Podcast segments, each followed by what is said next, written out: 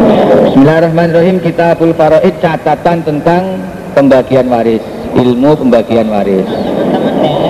Wa qaya ta'ala dan firman ta'ala yusikumullahu fi auladikum. Yusikum memberi peraturan pada kamu sekalian siapa Allah?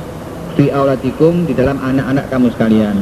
Allah memberi peraturan tentang pembagian waris di kalangan anak-anakmu ini pertama bab warisannya anak bagian